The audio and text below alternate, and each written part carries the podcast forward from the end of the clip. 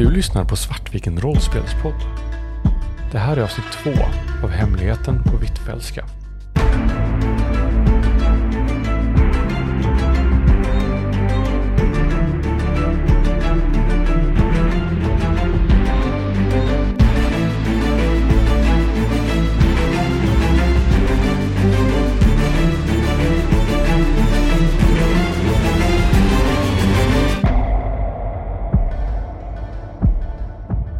Marcus Brodin har ju ramlat ner rätt på er. Liksom, ni föll omkull och Linus slog sig rent av eh, lite, liksom det här hårda marmorgolvet. Och han har ju blod överallt. Och ni hörde att det var någonting som sa ordentligt så här krack när han föll. Han liksom skriker i smärta. Så här. Det ekar ju hela skolan. Och ni ser några elever på de äldre årskurserna har ju sett att ni tre, de här utpekade eleverna, står där med blod på era kläder runt den här stackars farbrorn som ligger på rygg och skriker. Och då tänkte jag fråga, herregud, vad vill ni göra? Jag vill titta upp i taket. Ja, jag vill också titta upp i taket. Så här, vad, vad, så här, what, vad hände liksom? Ni är ju mitt i en korridor. Det, och han följer ganska... Det, ni, när ni, ni har ett vagt minne, han följer rätt högt och rätt fort. Det är liksom, man kan ju nästan, eller man kan inte nå taket i, på Hvitfeldtska gymnasiet, men det är ju inte högt alls. Så därför vill jag att ni slår något som kallas en sinnesprövning, den berömda sanity check som finns i Kol och Cthulhu. Och ni har någonting på era papper som heter VST, det står för viljestyrka. Och där ska ni slå en T100 eller lägre. Viljestyrka är ju svenska för sanity. Lyckas ni så går viljestyrka permanent ner med 1. Misslyckas det så går det permanent ner med en T6. Eller ja, sanity score går ner, själva statsen inte. Men det är lite överkurs. Ja, Jag har eh, 40 och slog 66. Ja, jag hade, vad var det, 60, jag slog 89. Kristoffer slog 11. Ja, Så precis, George, du, och det här får du skriva upp på någonstans. Nästa gång, du har ju ganska låg viljestyrka, du har ju viljestyrka 35. Mm. Eftersom du lyckades med slaget så förlorar du bara en poäng. Så nästa gång jag frågar efter detta, det kommer du slå mot 34. Okej, så man förlorar inte sinneshälsa utan själva attributet. Eller nej, okej. Man förlorar sinneshälsa. Attributen är densamma. Sen finns det saker på Cthulhu som sänker attributet också. Men det är sinneshälsa som går Vad jag ska... Och Linus och Ingvar, ni misslyckades så ni slår en T6 och förlorar så mycket istället. Men alltså, jag fattar inte det här. Det är VST som vi ska slå emot. Ja. Men, och den är 40 för mig. Men min Ja. sinneshälsa är 75. Vet du, åh förlåt, du ska ha sinneshälsa 75. Du kollar nog på gammal text som inte är korrad ordentligt. Du har sinneshälsa 75. Och det är den jag ska slå emot. Ja, precis. Det ska vara Ja, Okej, samma. men då lyckas jag. Då förlorar du bara en. Så du går till 75 till 74. Ingvar förlorade, eller hur? Så du går från 75 till 74. Så jag skulle inte slå en eh, T6 nu, för jag slog en T6 och fick en femma. Just det, förlåt. Ja, men då förlorar du fem Så sinneshälsa. Det jag, så jag har 70 nu liksom. Ja, precis. Yes. Och när man slår fem, då får man... När man slår fem eller högre händer det mer saker. Så du börjar... Det kommer inte hända någonting nu, men det kanske händer någonting senare. Jag sparar på det. Men som sagt, ni kollar upp och så här, det är bara vanligt tak och han följer ganska fort. Och ni, ni har ju varit här en stund, ni är säkra på att han inte liksom hängde i en ljuskrona eller någonting. Man hade sett en 60-årig farbror som tjoade runt i ljuskronorna, även om man var så arg som man sparkade omkull en papperskorg. Och jag känner att jag blir ju helt chockad. Jag står ju bara som helt så förstenad och stirrar upp i taket och kan liksom inte få det jag precis sett att gå ihop med, med, med verkligheten. Så Ingvar är ju bara helt... Eh, jag är paralyserad. Jag tror att jag, jag tittar på det här och sen börjar jag mumla för mig själv. Nej, det, det händer mig med.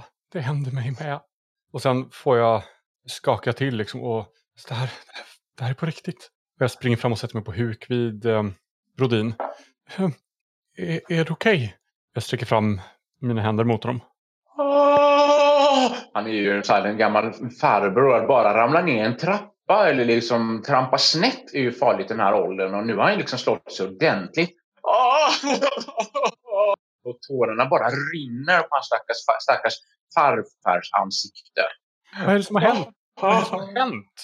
Det går inte, det är inte sant, det är alltid det är inte sant.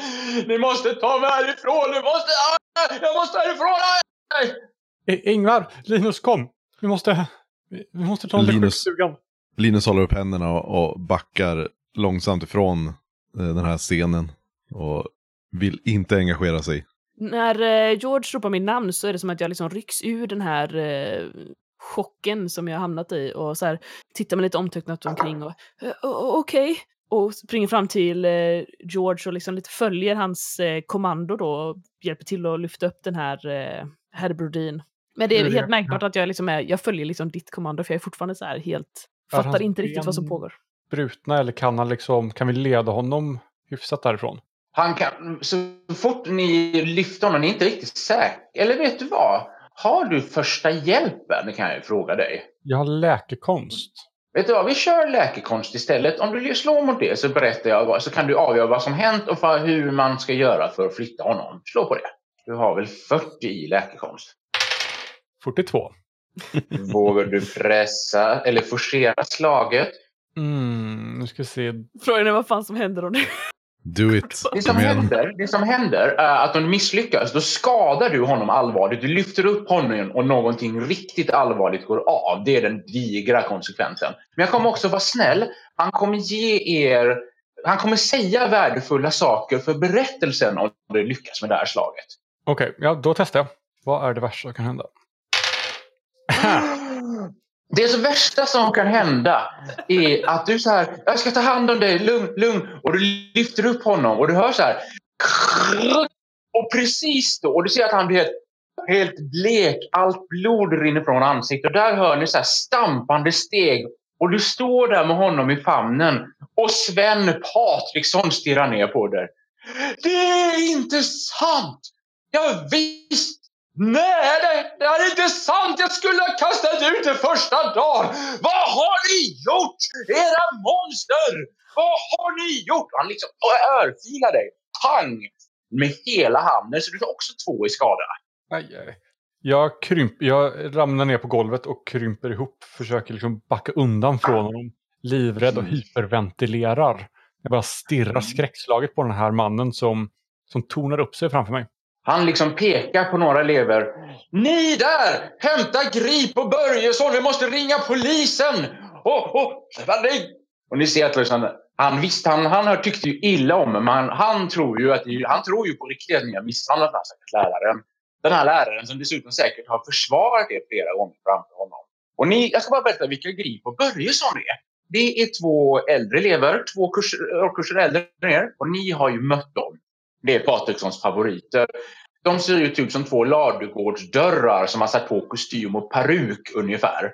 Och det här, de har en särskild typ av humor. Det är typ så här att putta folk i vattenpölar. Åh herregud, ursäkta, det var inte meningen. Du behöver inte bli ledsen, bara råka putta dig. Hjälp, jäkla ska hjälpa dig upp. Oj, förlåt, jag råkade putta dig igen. Det var inte meningen.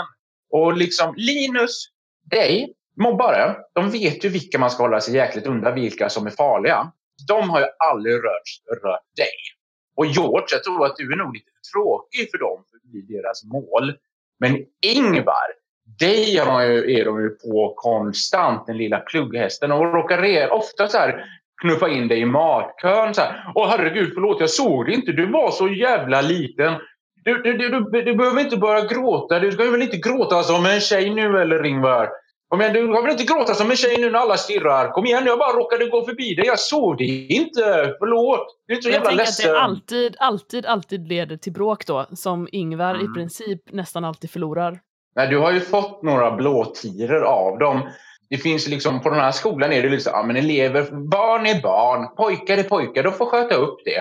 Det finns ju ingen sån här liksom pedagogisk tanke om mysiga skolmiljöer. Så du har fått en del blåtiror och skrapsår av dessa två.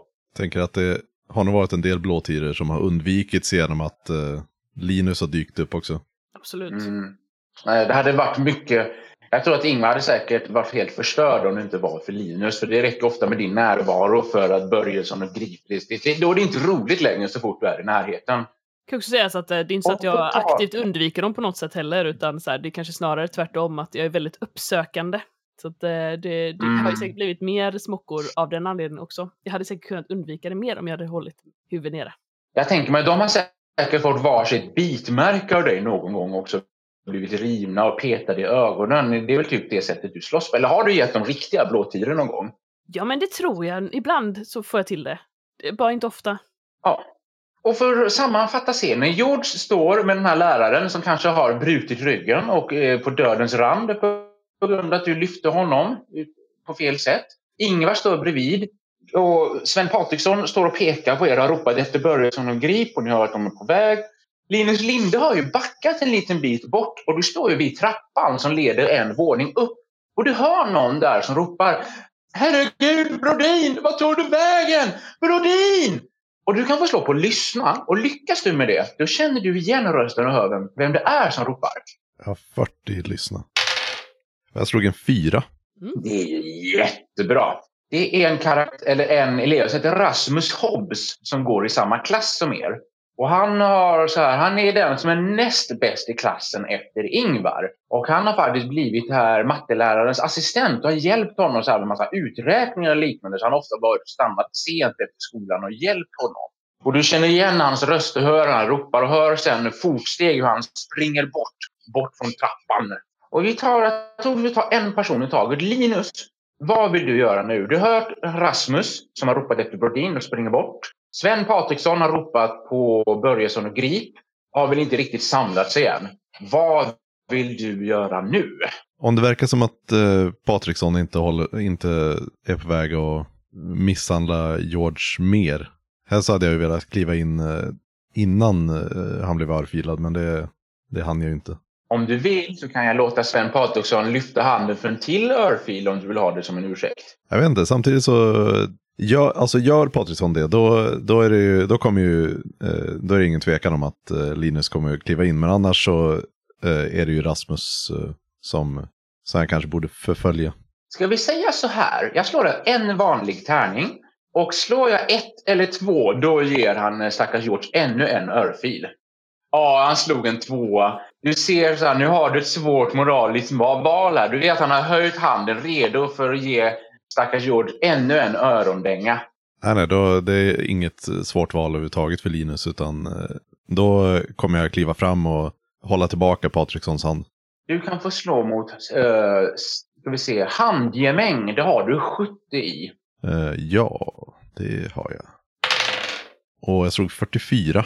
Vad vill du göra med den stackars Patriksson? Vill du bara stoppa slaget? Vill du ge honom en egen örfil? Vill du bryta hans rygg precis som George bröt Brodins rygg? Ja, det skulle verkligen sätta mig i en bra situation i det här läget. Jag vill bara hålla tillbaka och vara mer reaktiv snarare än, äh, än aggressiv. Du ställer dig i vägen och han, liksom, han backar ju lite så här. Han vet ju, han vet ju vem du är och vet ju liksom att det är Brockman. Linus, flytta på dig! Flytta på dig Linus! Jag känner att Ingvar vill vakna till liv här också, för jag känner också att jag vill vakna till liv när eh, han slår George första gången. Mm. Men vad gör du? Herr Brodin behöver ju hjälp! Vi måste ta honom till sjukstugan! Polis! Vad ska polis här att göra? Han är ju skadad! Ni ser en husa som har liksom några husor som har kommit så här. Ni! Ta, ta in Brodin på kontoret där! Vira in benen i en matta och så ser vi om vi kan rädda honom. Prata inte med mig om polis! Era, era mördare, ni håller på att ha ihjäl honom! Du, Linus, det blir dödsstraff för dig och om inte ni två hamnar i fängelse, du George, du hamnar på mentalsjukhus med dina föräldrar och du Ingvar, du hamnar väl tillbaka med dina föräldrar? Eller hur? Det kommer bli fängelse för er allihop! Din, din, din lilla man! Vad vet du? Ingvar blir jätteförbannad och liksom bara går all in på den här eh, Patriksson. George, du ser att två husor har bara kommit och de är ju läkekunniga. Du ser att de liksom lyfter honom. De kommer med en matta, rullar ut den framför honom, lyfter honom försiktigt. Så här, herregud, vad har hänt? Och de är liksom så här jättestressade och försöker rulla in honom i den här, hans ben i den här mattan för att stabilisera honom. Linus har ställt sig i vägen så att Patriksson inte kan slå det mera. Ingvar håller på och skäller på honom. Vad vill du göra, George? Jag tror att jag vill gå med eh, Brodin. Jag vill se Dels, alltså jag är uppfylld av eh, skam något så extremt. Men jag vill också säkerställa att han mår bra. Jag vill vara hos honom. Så jag följer med honom och försöker vara närvarande, liksom, lugna honom och eh, be om ursäkt och så. Det som kommer att hända, du, de går ju in i ett kontor de här två husen med läraren och du slinker bara med. Och Sven Patriksson ser faktiskt inte detta. Så du liksom slinker ur hans grepp. För nu när han liksom är lockad med Linus och Ingvar då kommer ju de här Börjesson och Grip och han vänder sig om. Ni, Han pekar på Linus och Ingvar. In i det där förrådet! Fort! Ni där, vakta dem! Jag ska få hit polisen. Det här måste redas ut på en gång. Du skulle inte ens kunna se sanningen om det så var mitt framför ögonen på dig, din antiintellektuella, fördomsfulla... Och sen så Ingvar bara fortsätter skrika medan de för bort honom. Så du, du gör inte motstånd när så här Börjesson och griper, liksom, tar tag i axeln på dig och liksom, för in dig mot det här förrådet? Alltså jag gör nog motstånd, men det hjälper inte så mycket tror jag. Jag, jag, ja. jag tror inte att jag är så stor, eller jag är ganska spinkig.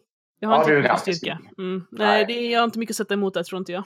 Du ser så här, Börjesson har, han drog en vinstlotten så han får ta den här lill, lillkillen Ingvar så här, In med dig om Patriksson säger du ska in i förrådet, då ska du in. Medan stackars Grip, han liksom står i öga så här med Linde. Och visst, han är ju huvudet högre än dig men han, det är nog mycket fett på honom, det är inte muskler. Du, du tror att du har god chans att rå på honom i en strid på livet. Du, jag vet inte vad ni har gjort här och varför Patriksson är så jävla förbannad. Men om han säger att ni ska in i det här förrådet då då är det bäst att ni gör det. Okej? Okay? Uh, eh, Linus, uh, så här, först så tittar jag så här stint i hans ögon och bara så här utmanar honom att han ska, ja vad ska du göra om det? Och sedan när, när jag märker att eh, Ingvar ändå blir in, inföst i det där förrådet så vänder jag mig demonstrativt med ryggen mot honom och går mot eh, förrådet och går in i det. För jag inser att det, jag, kan, jag kan inte liksom göra någonting för att rädda situationen nu utan att eh, bara framstå som ännu mera aggressiv och eh, våldsam. Och jag fortsätter skrika ända tills de i princip stänger dörren om att så här, det här är inte rättvisa och det här är inte, och du vet inte vad du pratar om och ja, väldigt mm. upprörd. Börjesson slänger in Ingvar så här, ganska hårdhänt och Grip eskorterar Linus lite artigare. Han Sven Patriksson tittar ju var George tog vägen. Han såg inte så här, när det där, den där mentalpatienten han rymde. Grip, du letar upp honom, ta hit honom. Börjesson, du stannar här och vaktar. Okej, jag stannar här och vaktar då. Vad gör jag ifall de försöker rymma? Den där Ingvar är ju ganska bitig. Han vet ju inte vad som är bra för honom. Ska jag liksom stoppa honom ifall han försöker gå ut eller ska jag liksom stoppa honom? Gör det som krävs! Gör det som krävs, jag ringer, jag får hit polisen. Så Patriksson stampar iväg till sitt kontor där det finns telefon. Han bor ju på tredje våningen. Grip så här. Okej, okay, jag går och letar efter George. Och liksom Börjesson stänger ju dörren så här, och ni är liksom i ett ja, lite större. Egentligen är det ett klassrum. Det är typ ett halvt klassrum men de använder det som förråd. Det är här alla stolar och sånt brukar hamna. Du hör så här hur han liksom ställer sig och lutar mot dörren så på andra sidan. Liksom står och hänger. Ska vi köra vår grej först eller ska Kristoffer köra sin grej? Jag tycker med, I och med att vi är instängda. Vi kan köra Kristoffer först. De, de, liksom har, de har ju lagt upp honom på den här stackars läraren på ett skrivbord och de låter ju så här att låter ju mattan vara kvar för att stabilisera benen och liksom, de har liksom så här Åh herregud, vad har hänt med hans hand? Som jag beskrev tidigare så fattas det två fingrar på vänsterhanden De börjar bandagera den och, och liksom dabbar honom. Han liksom... Och vad vill du göra George? Jag försöker ju göra mig eh, nästan osynlig så att de inte lägger märke till mig. Men jag vill ändå vara vid hans sida. Och jag mumlar liksom förlåt, förlåt. Det var inte meningen, det var inte meningen. Förlåt. Han låser så här. George, han liksom tar tag i dig så här med den hela handen. Det var inte viktigt fel, men du, du måste ta det härifrån. De, de är på väg, de kommer när som helst. De är på väg! De är på väg! Aj, aj, aj. De kommer att ta oss allihopa! Aj, aj, aj, aj. Vilka, vilka är de? Vilka är det som är på väg? Vad du än gör, läs den inte. Gå inte ner i källaren och läs den inte. Det är alltihopa en lögn. Det är inte sant. Det är inte sant. Vi kan falla ner i jordens kärna när som helst. Gå inte ner till biblioteket bara. Gå inte ner. Lova mig det. Vad, vad menar du? Vilka, vilka är det som ska komma? Aj, aj, aj. Du kan få slå på läkekonst igen. Och för du lyckas så lugnar han sig och kan ge ett vettigt svar. 18 av 40. Ja, det, det, det stod om dem i, i Blichfeldts bok. Han beskrev, jag trodde inte de skulle komma, han försökte varna mig. Det är algoritmens väktare. Det, de är gjorda av ren matematik. Det, De kommer, de är på väg. De har satt ett doftmärke på oss allihopa. De är på väg. De är på väg. Vad gör du? Sluta prata med någon. Gå härifrån. Du måste få hit en läkare. Gå! George, gå! Husen vill inte ha kvar det här, säger de. Jag, jag backar undan, bara stirrar på den här mannen som jag ändå till någon del tycker om. Och Mm. backar därifrån. Och slår väl in i dörren till slut med bakhuvudet och ryggen. Jag vill bara fråga, innan du backar så ser du att hans anteckningsbok har ramlat ut ur fickan och ligger på golvet. Vågar du ta med den? Ja, men jag tror att jag, jag böjer mig nog ner och plockar upp den. Och stoppar den liksom snabbt innanför kavajjackan. Du plockar upp den och plockar ställer den innanför kavajjackan och går ut. Och du, så här, du kommer ju samma korridor som vi var vid. Och du Sven Patriksson och eh, kan vi säga, Grip har ju försvunnit. Men du ser ju Börjesson, han står ju vid en dörr och vaktar. Man liksom kollar åt ett annat håll. Han ser ut att ha jättetråkigt. Och han så här, och jag tror du hör Ingvars upprörda röst från insidan så här lite mumlande och tyst. Ja, Jag rantar fortfarande. Mm. Ingvar Rant är på full procent där inne. Hur funkar den här dörren? Har, sitter det nyckel i eller håller han igen den? Eller hur håller den sig stängd? Jag tror faktiskt inte att den har nog ingen nyckel i. Det är nog inte låst. Och det är inte att han liksom blockerar den utan det är nog bara att han har sagt till dem nu går ni in och, och skärper er. Och så liksom bara står han där så det är inte låst. Som sagt, det är ju ingen riktig cell. Det är ju bara ett förråd. En Mm. massa stolar. Jag plockar fram en penna eller något sånt där som jag har i någon ficka eller väska eller så. Och sen går fram och så hiver jag iväg den och kastar den på honom. Försöker träffa honom. Så fort jag får uppmärksamhet så vill jag springa därifrån. Liksom pennan träffar ju honom rätt i där. Aj, vad fan, vem i helvete? Vad? Nej, nu jävlar. Du Ja. kanske tror att du... Ja, du, kom tillbaka! Du, ta mig fan George, du tror... Du, kom hit George, kom hit annars slår jag dig! Jag går inte till honom. Jag går åt andra hållet. Ni hör ju så här att liksom eh, Börjesson skriker vad i helvete och liksom nu ska jag spöa dig George och ni hör hans klampande tunga steg när han springer iväg. Och jag kastar mig på dörren direkt när jag får indikation på att det är någonting där ute. Linus hade ju redan börjat på att försöka flytta undan bänkar och så här för att komma till eh, fönstret i klassrummet. Men när Ingvar kastas mot dörren så, så avbryter Linus det och följer efter. Dörren är ju inte låst eller någonting så den bara flyger upp så du flyger ju liksom nästan till motsatt ände av korridoren Ingvar. Jag vill ju kika då liksom vad då, få en koll på läget då.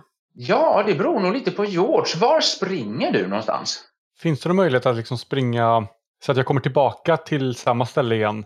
Alltså springa runt så att säga. Det är ju så att då får du ju springa upp eller ner en våning, springa längs den korridoren och springa tillbaka.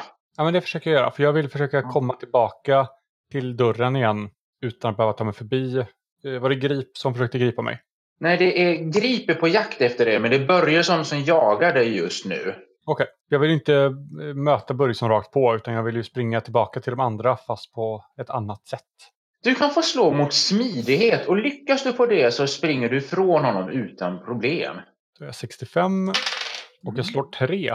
Ingen fara, du är ju jättesnabb och han är väl antagligen inte så himla engagerad och antagligen är väl ganska rädd så här att shit, har den här George flippat och mördat denna läraren? Han springer inte jätte, jättefort. Springer du över vägen eller springer du under vägen undrar jag?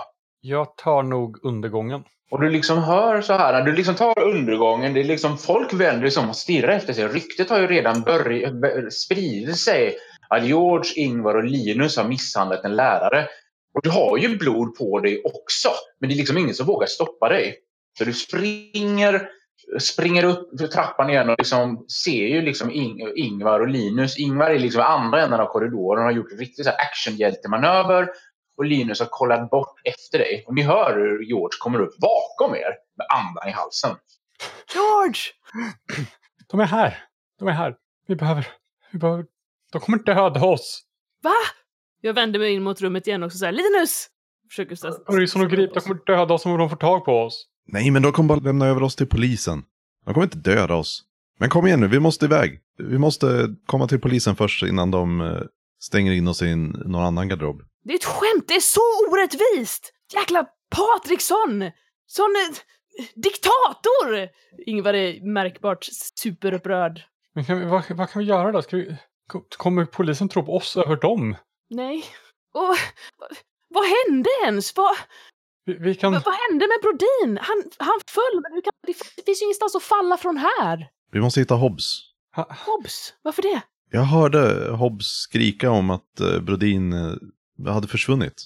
Han måste veta vart Brodin var innan han dök upp. Brodin sa någonting om att mattemonster var på ingång. Det var någonting om, om en bok i, käll- i biblioteket i källaren. Det, det är väl ingen som använder biblioteket. Vi kan gömma oss där så länge tills det har lugnat ner sig. Jag fick också... Vi, vi tar det sen. Vi måste, vi måste gömma oss. Okej, men vi måste ju också prata med Hobbs. Om, om, om vi ska ha en chans att, att lägga fram vår sida av saken så måste vi ju veta vad som faktiskt hände. Eller? Jag, jag springer iväg och kollar efter Hobbs så kan ni springa ner i, i biblioteket och eh, kolla om han är där. Jag kommer ner dit sen. Så ni delar upp. Linus går alltså upp en våning, för det var där du hörde Hobbs. Och Precis. George och Ingvar tänker gå ner. Yes. Stämmer. Vi tar George och Ingvar först. Ni känner ju till så här, Hvitfeldtska har ju egentligen inget riktigt skolbibliotek. Men ni vet att de har ett gammalt, gammalt bibliotek här på Högre Latinläroverket som har varit här sedan byggnaden byggdes. Och det är liksom om, om, om de är ju formade som ett U den här byggnaden och en av de här kanterna där finns det sådana här trappor som vrider sig ner ett halvt plan. Och där finns ett av biblioteken och ni, liksom, ni vet att det finns men det är aldrig någon som går dit. Och samma sak, liksom, ni ser ju att folk stirrar efter er men det är liksom den här Uh, när, när det sker en olycka och det är 40 personer som ser olyckan då är det ingen som vill ringa ambulansen och samma sak. Det springer två blodiga elever i korridoren som har misshandlat en lärare men ingen elev eller ingen lärare vågar ju gå fram till er. Och så att de flesta är ju dessutom på lektion. Men ni kommer fram till det här biblioteket i den här lilla knorren som det heter. Och ja, det är ju liksom en stor klåtdörr och det sitter liksom ett litet plakat på den. Gåva från Margareta Whitfeldt 1664 till minne av sin son Ivan Dyre som avled under en resa till Frankrike med 19 års ålder. Står det en liten plakett på den dörren. Ni hör sen när ni också kommer till dörren hör ni liksom han grip. Är det någon som har sett George någonstans? Han försökte mörda Brodin. Fort, fort! Jag så här puttar på Ja. George som att vi ska in i, i Eh, biblioteket. vi går in och stänger dörren bakom oss och försöker barrikera den på något vis. Den är ju olåst och det är, liksom, det är en stor metalldörr och den går ju att stänga och den öppnar ju inåt så man kan ju faktiskt sätta en stol eller någonting om man vill på insidan. Men det finns ingen väg ut här så gör ni det då är ni fast. Ja, men det gör vi nog. Mm. Mm. Ni Kan man låsa på vanligt vis också? Mm, jag tror faktiskt inte de hade sådana här låsvred. Men vet du vad? Vi säger så här faktiskt att jo, den går att låsa och nyckeln sitter faktiskt kvar på insidan. Men då gör vi Då så. Så. låser vi och sätter en stol ifall de har nyckel också. Och det här biblioteket, det är liksom, det är liksom svart marmorgolv här inne. Det finns en liten, liten lykta på en stol faktiskt, på en liten pall som fortfarande tänder. Så det verkar som att någon har varit här och det är jättedammigt här inne. Men man ser fotspår i dammet som leder fram till en hylla. De flesta hyllor är liksom så här ganska tråkiga, trämurkna hyllor. Det liksom ser ut som ja, gamla bondekalendrar från 1600-talet och religiösa skrifter. Ni ser så här ganska tråkig skit helt enkelt. Ni ser en text om helige Birgitta och sådana saker. Men den här pallen med lyktan och dammet leder fram till en särskild bokhylla som det är ett galler framför, en sån här gallergrind, men den står på glänt just nu. Jag går dit eh, och jag säger att Brodin bad mig läsa någon, någon bok. Jag vet inte om vad... eh, det kanske står i han, det kanske är den, det kanske är han som varit här. Jag följer fotstegen och börjar också bläddra lite i anteckningsboken för att se hans anteckningsbok då. För att se om det Mm. finns uh, titeln och så där. Jag har helt missuppfattat vad det var han faktiskt sa till mig. Och när du gör det så, så, så frågar jag också så här, vad, vad, är det där för någonting? Alltså om anteckningsboken då. Mm, Det är Meister Brodins anteckningsbok. Han, han tappade den inne på golvet och jag, jag plockade upp den för jag tänkte att vi kanske kan...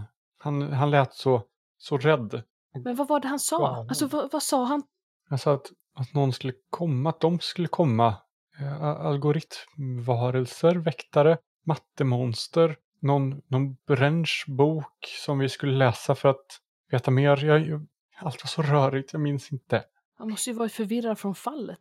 Eller Men- från skadan eller? Han, han bad mig undersöka vidare så, så det är vad jag måste göra. Ingvar så accepterade mest för att så här, ingenting är riktigt eh, make sense just nu. Och det, kan, det kanske var jag som dödade honom. Det kanske, han kanske dör på grund av mig. Det, Nej, George. jag, måste, Det är klart att han inte dör på grund av dig. jag borde ha låtit honom ligga kvar. Jag borde inte ha rört honom. Du rörde honom för att du ville hjälpa honom. Det är alltid mitt fel. Mina föräldrar, magister Brodin. Jag borde inte... Jag måste George, fullfölja det här. George, du ska aldrig be om ursäkt för att du vill hjälpa folk. Ingenting av det här är ditt fel. Men det blir bara värre när jag försöker hjälpa folk. Jag Det är lovar när jag hjälper folk som, som de hamnar på, på Göteborgs hospital och, och bryter ryggen. Det skulle vara bättre om jag bara inte var här. Han bad mig hjälpa honom så jag måste, jag måste hjälpa honom. När du säger det så lägger Ingvar en hand på din, eh, din rygg och säger George, det finns ingen annan jag hellre skulle vilja vara här med än, än dig. Nu Jag jag vet att du boken. kan göra bra saker. Och då behöver jag bara kolla. Är det så här, vill ni kolla anteckningsboken först eller vill ni kolla i bokhyllan först? Jag vill kolla på bokhyllan först om jag ser någon alltså självklar bok eh, som så här, eh, stämmer överens med minne av vad han sa. Om jag inte hittar den så vill jag kolla i, bok, i anteckningsboken efter, efter det. Ja, du kollar så här och här verkar det typ vara... De flesta hyllorna är orörda. Och du förstår varför det var galler. Det är, det är, det är snuskböcker. Det är liksom sådana här böcker som med adelskvinnor som hittar en trevlig bonde utan tröja och bjuder hem honom. Det är liksom så här 1600-talsporr de flesta böckerna är. Men en hylla, och det här är ju oerhört, det är ingen av lärarkollegiet som är sugen på att läsa 1600-talsporr. Ja, precis. Men en hylla är, där ser man att det liksom är rört i dammet och det finns en stort i, i tomrum som någon nyligen dragit ut en bok där.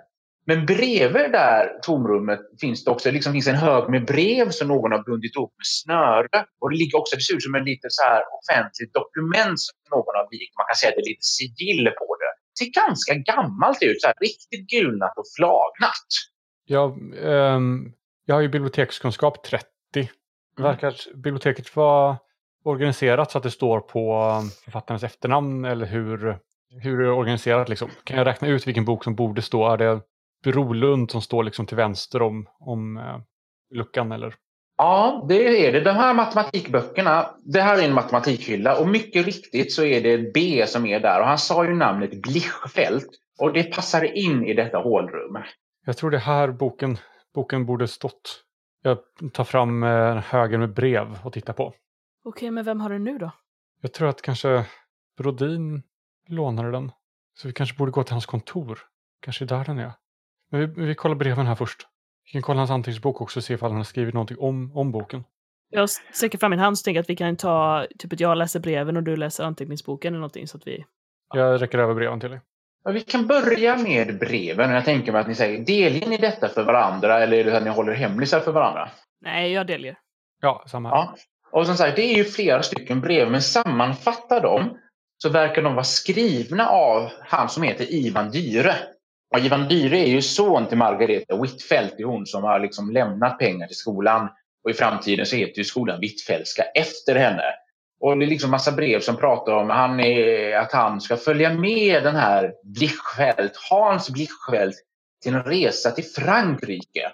För där finns det berg i Montpellier som har särskilda vinklar som är spännande ur ett matematiskt perspektiv. Och man märker på sättet, det är ju bara Ivans brev som är här. Margaretas brev tillbaka finns inte svarade här. Och man märker att han liksom ber om ursäkt och är lite trotsig och att hon inte ska ta ut sitt dåliga humör på tjänstefolket. I ett brev säger han, ja, du får inte hota dem med yxan som du brukar göra mamma. Och när du liksom läser det och liksom lyfter upp blicken, det finns faktiskt en glasmonter med en gammal yxa som antagligen tillhört Margareta Blichfeldt för länge sedan. Trevlig att ha. som- Jag kommenterar ju på det medan jag läser också att, så här, att uh, Dyre, var, var det inte han som, som, eh, som dog? Var det inte någon skylt om det där ute? Eh, Jag, jag vet inte, jag var för, för väck för att lägga märke till det ordentligt. Men du har säkert rätt, du, är, du lägger märke till saker. Jag, jag, jag tror att det var så, i så fall, om du säger det. Dock så sorgligt så att det sista brevet är faktiskt inte från Dyre utan det verkar vara skrivet av Blichfeldt själv.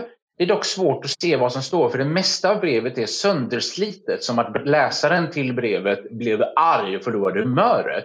Men ni ser början i alla fall och där är det Blichfeldt som ber om ursäkt och säger så här Ja, jag är ledsen för det som hände med er son, fru Whitfeldt, men jag kan tyvärr inte längre använda termer som levande eller död när jag pratar om honom.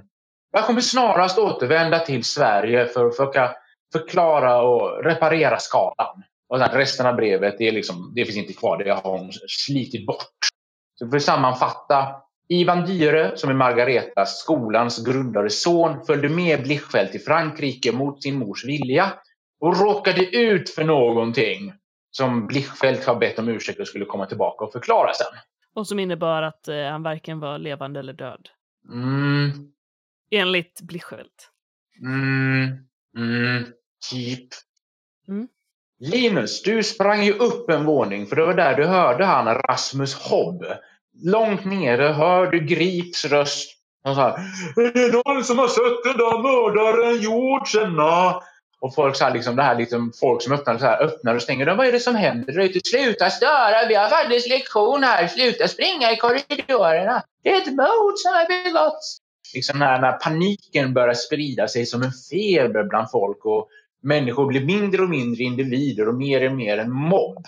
Nej, men, eh, jag hade ju hört eh, Hobbs eh, springa bortåt i korridoren här uppe.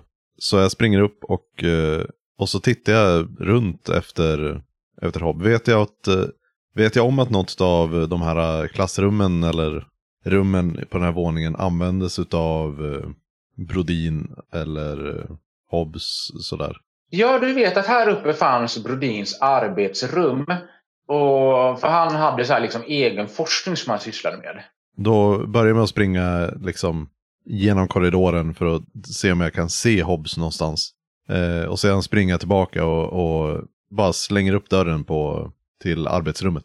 Du ser inte Hobbs i korridoren, men du vet ju vad arbetsrummet är. Du slänger upp den och du ser så här, det är ju en massa griffeltavlor här. De är fulla med matematiska formler. Och det är mycket så här vinklar, sfärer i trianglar, trianglar i fyrkanter. Och du, du tycker du höra någonting. Det låter som att någon gråter, typ att någon har gömt sig bakom katedern.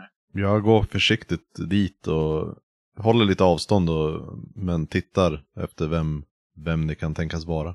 Du har kommit in halvvägs i klassrummet och då, typ från ett klassrum bredvid måste det vara. Det låter som ett, tänk dig ett långt gnissel när man typ med en diamantskärare skär i glas här. Låter det väldigt kort från klassrummet bredvid.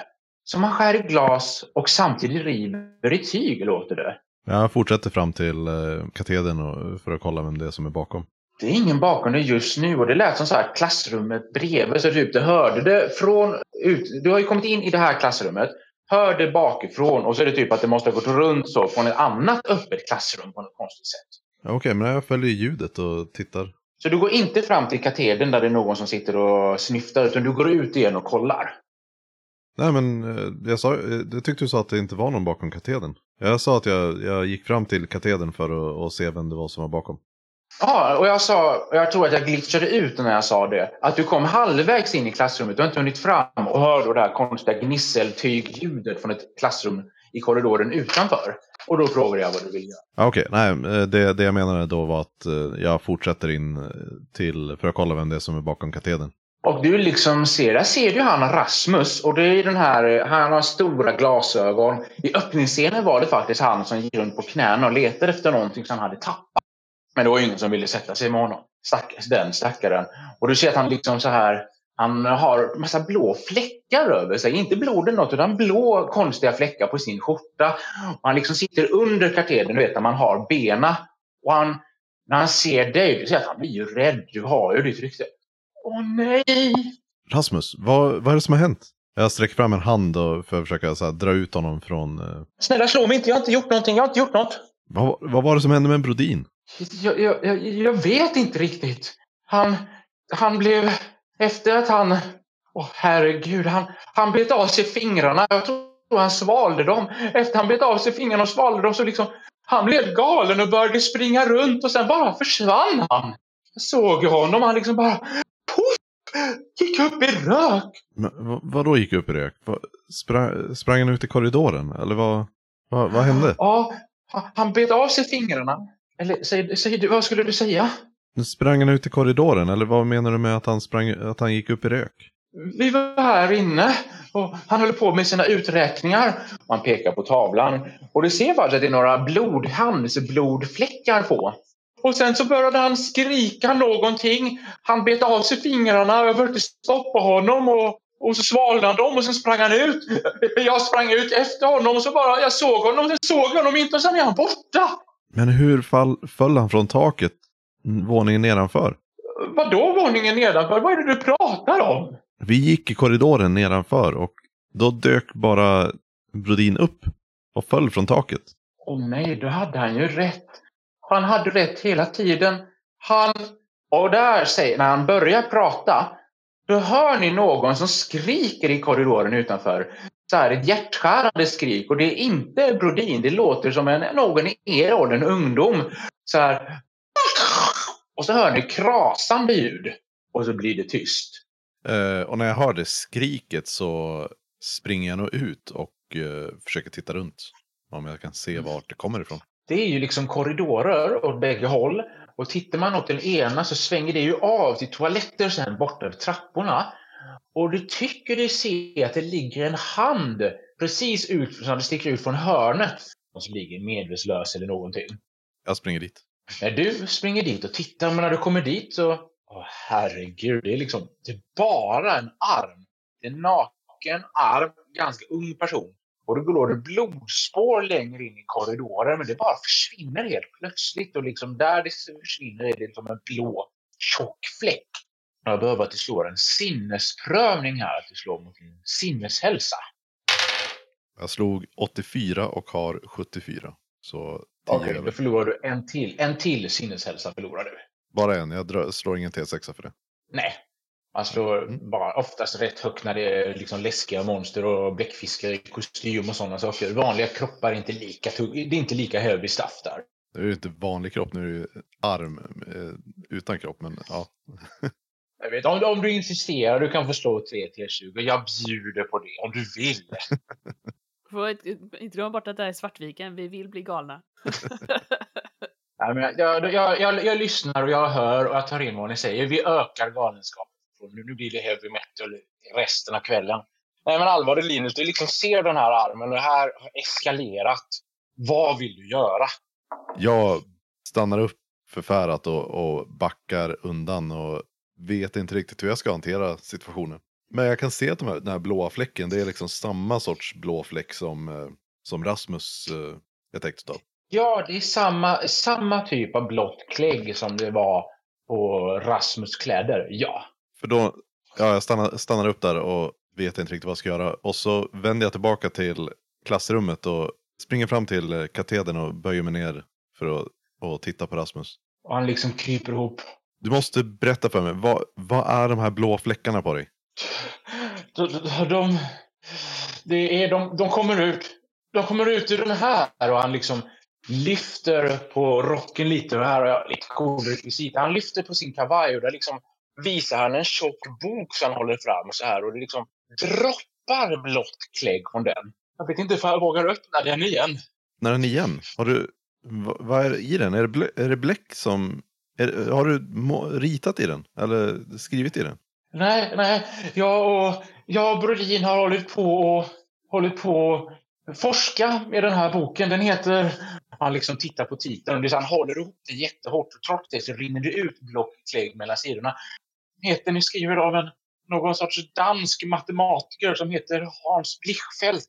Fyrkantiga sfärers lögner heter den. Vi, vi har testat, kollat de matematiska teorierna och vågar inte öppna den igen. Okej, kan du ge den till mig? Vad tänker du, vad tänker du göra med den? Min vän som, som hjälpte Brodin tror jag kanske kan veta vad det här är för bok eftersom Brodin sa någonting till honom. Eller följ med, följ med. Vi, vi måste ner i biblioteket i källaren. Du får Ja. intrycket av att det är någonting, han, han har nog inte berättat hela sanningen. Och när du säger att du skulle kunna ta boken ifrån honom, så du märker att det är många, många kugghjul som börjar snurra. Han liksom tittar så här lite olika håll. Han verkligen tänker igenom vad han ska säga. Du kan få se, du har, jag hade tänkt be dig slå på övertyga här. Men det har du inte, så du får slå på ditt grundvärde på det istället. Och det är bara 10. Jag tänker föreslå att när jag märker att han liksom tvekar så tar jag tag i den och säger släpp boken. Och han släpper eller? Ja, det, okay. om du använder hotelser så är det ingen fara. Då behöver du inte slå. Okay. Du, kan, du, är, du är tillräckligt stark för att spöa honom om man gör motstånd, så du behöver inte göra något Ja. slag. Han ser plötsligt väldigt, väldigt så här kalkylerande Vet du vad?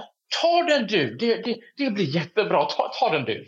Jag försöker vända på boken så att liksom det åt det håll som det droppar är vänd uppåt. Och så Ja, men- håller jag den framför mig medan jag börjar på och börjar gå mot, uh, mot källaren.